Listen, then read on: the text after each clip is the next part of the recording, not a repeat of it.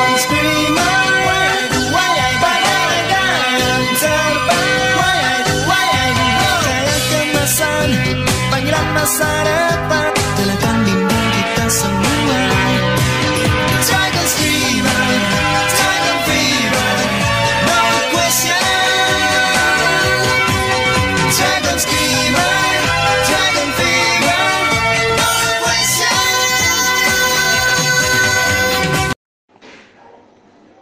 Di bagian pertama Sabtu yang lalu, sebelumnya saya sudah menjelaskan sedikit mengenai siapa sejatinya Roberto Honggo yang merupakan penemu bakat dari seorang Subasa Ozora.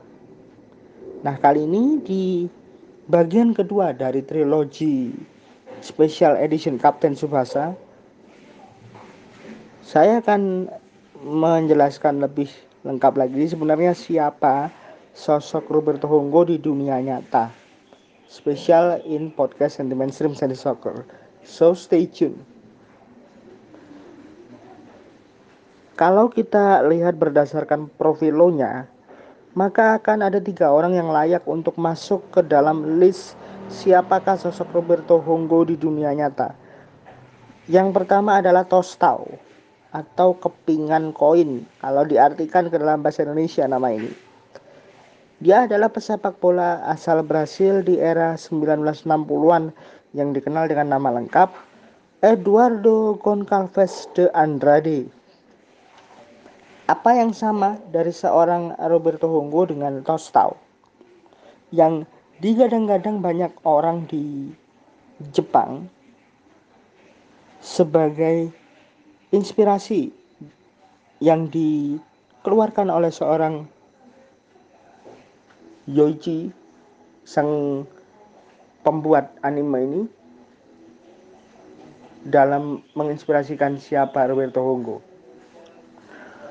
Yang menjadi kesamaan antara Roberto Honggo dengan Tostau adalah sama-sama memutuskan untuk berhenti berkarir di sepak bola sebagai pemain karena memiliki penyakit pada matanya. Seperti yang kita tahu dalam kisah anime, Roberto Honggo dikisahkan datang ke Jepang untuk bertemu seorang dokter yang direkomendasikan oleh Kapten Pelaut Ozora guna mengobati retina matanya yang sudah rusak.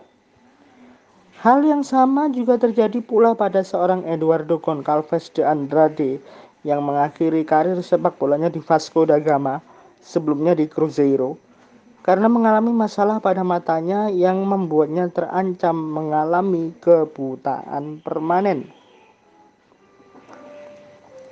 Yang kedua, kalau kita bicara tentang Roberto Honggo, maka sosok dunia nyata yang pantas juga untuk disandingkan adalah seorang Socrates atau pemain dengan nama lengkap Socrates Brasileiro Sampaio de Souza Vieira de Oliveira.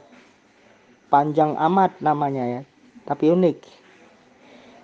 Yang menjadi kesamaan apa sih?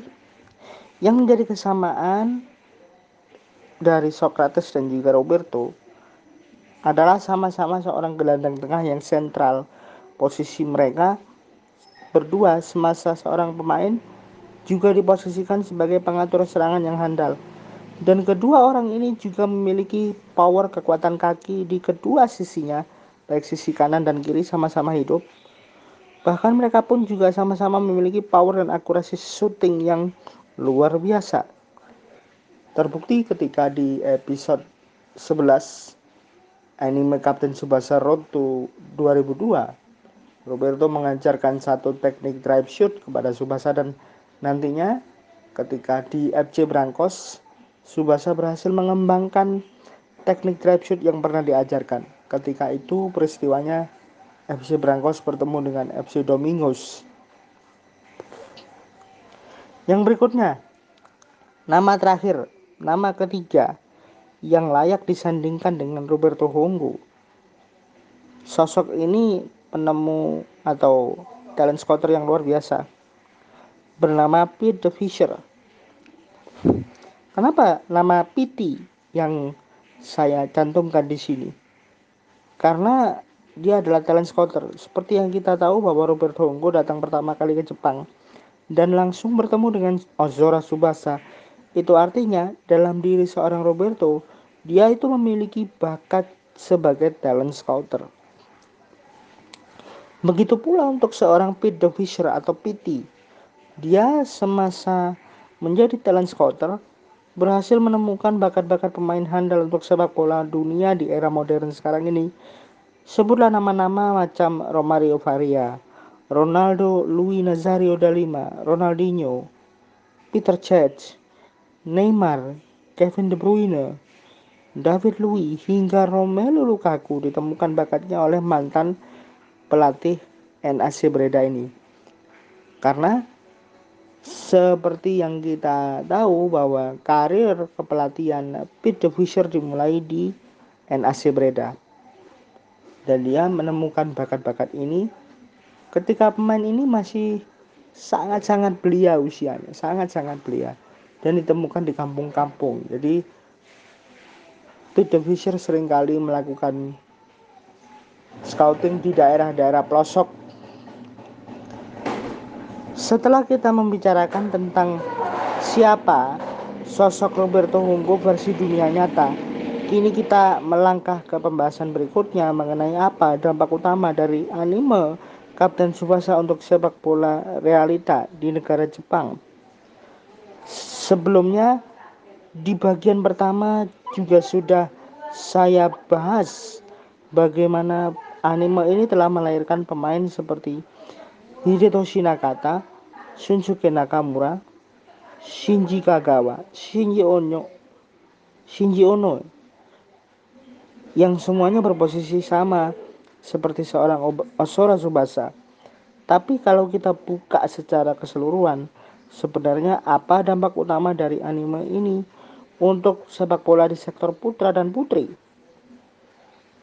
Dampaknya jelas yang utama adalah Jepang berprestasi di kancah internasional tetapi kita bagi ya, kalau kita bagi ke dalam dua sektor berbeda, sektor putra dan putri, maka impian sepak bola yang ada di dalam anime, impian untuk menjadi juara dunia terwujud untuk sektor putri terlebih dahulu.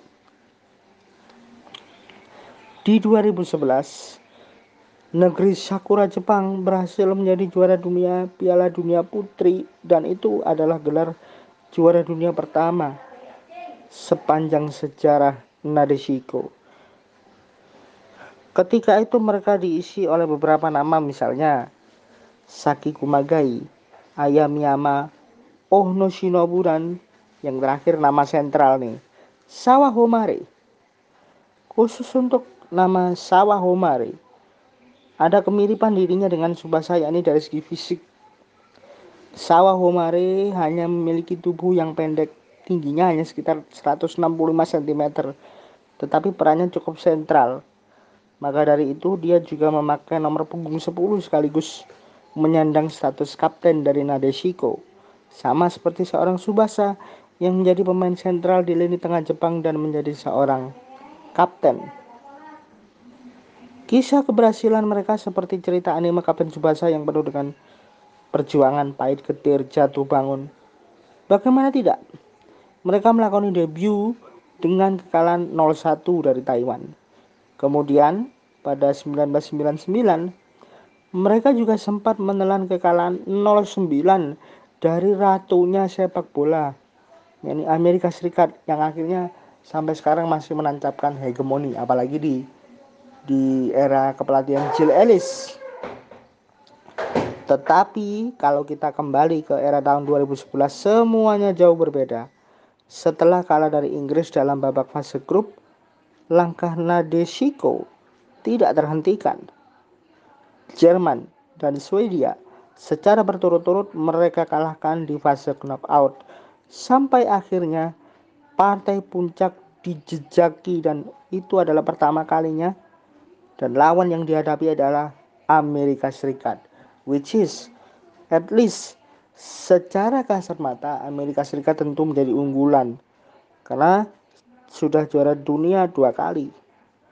Tetapi seperti Subasa dan kawan-kawannya, Sawah Homare, Ayamiyama, dan juga pemain lain di skuad Nadeshiko berhasil mengatasi segala tantangan termasuk kartu merah yang diterima oleh Azusa Iwashimatsu.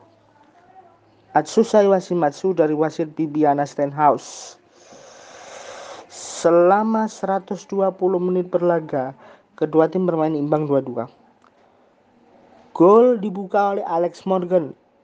Unggul Amerika unggul duluan di menit ke-69. Kemudian Jepang membalasnya lewat Ayamiyama di menit ke-81. Ebi Wambach membalikan dan membawa Amerika Serikat unggul kembali di menit ke-104 sebelum Sawah Homare memperpanjang nafas Jepang lewat golnya di menit ke 117. Skor imbang 2-2 dan terpaksa digelar adu penalti. Dalam adu penalti tersebut, tiga penendang Amerika Serikat, Shannon Box, Carly Lloyd, dan Tobin Heath gagal. Sebaliknya dari kubu Jepang, hanya seorang Yuki Nagasato yang gagal menceploskan bola ke dalam gawang. Gagal menyelesaikan tugas dengan baik. Tapi Jepang berhasil keluar sebagai pemenang setelah mengalahkan Amerika Serikat dalam babak adu penalti 3-1 dan itu adalah gelar pertamanya di sepak bola putri. Di akhir laga ketika Sawah Homare diinterview oleh wartawan, dia mengakui bahwa sosok Kapten Subasa adalah inspiratornya dan ini sudah mewujudkan salah satu mimpi yang ada di anime Kapten Subasa. Meski Jepang Putri prestasinya lebih baik daripada Putra, tapi sektor Putra juga sudah mengorbitkan nama-nama yang luar biasa. Tadi saat sudah saya sebutkan ada Shunsuke Nakamura, Shinji Kagawa, Shinji Ono, belum lagi ada Keisuke Honda, Makoto Hasebe, Hiroshi Kiyotake, Takashi Inui sampai Shinji Okazaki yang nama-nama ini sebagian besar berada atau dari mereka bermain di Eropa. Sama seperti Subasa dan tak ada satupun dari mereka yang mengecewakan hasilnya. Di satu sisi memang kemunculan pemain-pemain hebat ini menguntungkan karena mereka punya database, mereka punya blueprint cetak biru untuk pemain-pemain pelapisnya. Tapi di sisi lain ada kerugian yang diderita oleh timnas Jepang. Pasalnya dengan melihat Subasa sebagai panutan, secara otomatis banyak pemain yang pada akhirnya memilih untuk bermain di posisi yang sama seperti sang idola. Inilah yang menyebabkan ada adanya ketimpangan kualitas pemain di skuad Samurai Biru. Menurut catatan saya, ada ketimpangan di sektor penjaga gawang dan striker. Kenapa saya tidak menyebutkan pemain belakang? Karena padahal beberapa tahun yang lalu pemain belakang Jepang mengalami krisis. Kalau pemain belakang sudah memiliki list pemain dengan kualitas unggul nih Jepang. Salah satunya nama-nama seperti Takehiro Tomiyasu yang berada di Polonia, Yuta Nakayama yang bermain di Zwolle, Pek Zwolle Belanda, Ko Itakura yang ada di Groningen dan Wataru Endo, pemain belakang modern yang bermain di Stuttgart. Kenapa saya bilang modern? Karena Wataru Endo juga bisa bermain sebagai gelandang jangkar atau gelandang bertahan. Ini adalah nama-nama pemain yang bisa diandalkan untuk sektor belakang yang jadi masalah sekaligus ketimbangan adalah di sektor depan dan penjaga gawang. Untuk sektor depan, Jepang masih belum bisa menemukan pemain berkualitas seperti seorang Hyuga Kojiro di dunia anime. Mereka masih mengandalkan nama-nama seperti Yuya Osako dan Takuma Asano, tapi performanya masih kurang memuaskan. Begitu juga untuk sektor penjaga gawang, mereka masih membawa seorang Eiji Kawashima dan juga Shuichi Konda dalam timnas mereka. Tetapi saya meyakini bahwa kalau Jepang berhasil menemukan solusi untuk masalah di dua sektor ini, mereka bisa menjadi yang terbaik di Asia, bahkan mungkin berprestasi lebih tinggi di Piala Dunia nanti. Selain di dampak tim nasionalnya, anime Kapten Subasa ini juga punya dampak terhadap kultur masyarakatnya, terutama dalam hal edukasi terhadap anak-anak. Cerita ini menjadi inspirasi bagi mereka karena dalam anime ini anak-anak diajarkan untuk saling menghargai siapa pun yang ada di lapangan sepak bola meski dibalut dalam sebuah persaingan dan rivalitas yang tinggi. Kalau kita tarik ke dunia anime, sebagai contoh, siapa yang tidak tahu rivalitas Subasa Ozora dengan Hyuga Kojiro? Rivalitas kedua pemain ini dan beberapa pemain lainnya di kejuaraan nasional antar sekolah sangat tinggi. Tetapi ketika nama-nama ini disatukan ke dalam tim nasional Jepang, mereka mampu meredam ego untuk bersatu, berjuang bersama demi negara Jepang agar bisa berprestasi di dunia. Edukasi-edukasi seperti inilah yang menginspirasi pemain top sepak bola dunia sehingga mereka memutuskan karirnya untuk menjadi seorang pesepak bola. Mengingat film Kapten Subasa ini juga menyebar ke beberapa negara di dunia. Lantas, siapa saja pemain yang terinspirasi dari anime yang satu ini? Nah, untuk pertanyaan ini, tunggu pembahasan selanjutnya di bagian ketiga yang juga sekaligus menjadi bagian terakhir dari trilogi spesial Kapten Subasa. Jadi untuk bagian kedua, untuk part kedua, sekian dulu. Sampai bertemu di bagian ketiga trilogi spesial Kapten Subasa. So, dan kasir, salor, wassalam, and ciao. Dragon Screamer